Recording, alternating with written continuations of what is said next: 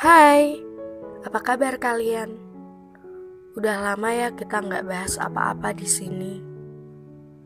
Akhir-akhir ini aku emang lagi sok sibuk banget. Tapi kali ini aku balik lagi nih.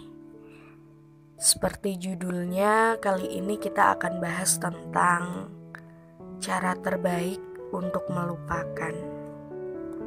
Asli, banyak banget yang nanyain ini. Jujur, aku sendiri juga bingung gimana cara melupakan yang paling cepat. Melupakan yang tidak akan mengulang luka. Ya emang sulit sih. Pernah nggak sih kamu ngerasa kayak udah bener-bener berhasil lupain seseorang, ngerasa kalau kamu baik-baik aja tanpa dia, merasa kalau kamu udah bisa sepenuhnya relain dia, bahkan kamu pun sudah tidak lagi mengingatnya dengan sengaja. Lalu, pas kamu lagi ngerasain itu semua, tiba-tiba aja ada sesuatu kebetulan yang nyadarin kamu kalau sebenarnya kamu tuh belum bener-bener lupa. Kamu belum lupa sama sekali. Tiba-tiba aja kamu mimpiin dia Padahal seharian ini kamu gak mikirin dia sama sekali. Kayak rasanya tuh alam bawah sadar kamu sendiri mau kamu tetap ingat dia. Alam bawah sadar kamu ngingetin kamu lagi ke dia. Alam bawah sadar kamu ngingetin kamu kalau kamu belum bener-bener lupain dia. Kamu hanya sedang mulai terbiasa. Semua tentang dia masih begitu tenang berdiam di dalam dada belum hilang.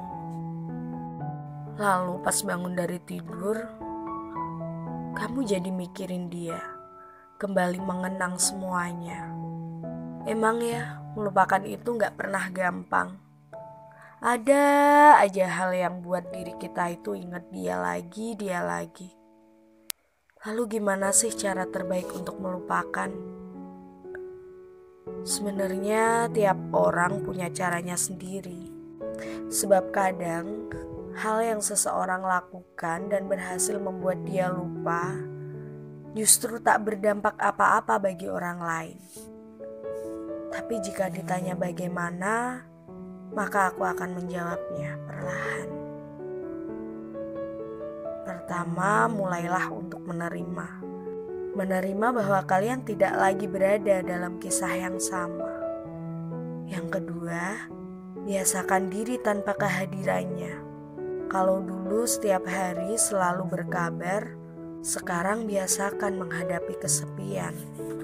Kamu tidak perlu buru-buru melupakan. Biasakan diri saja.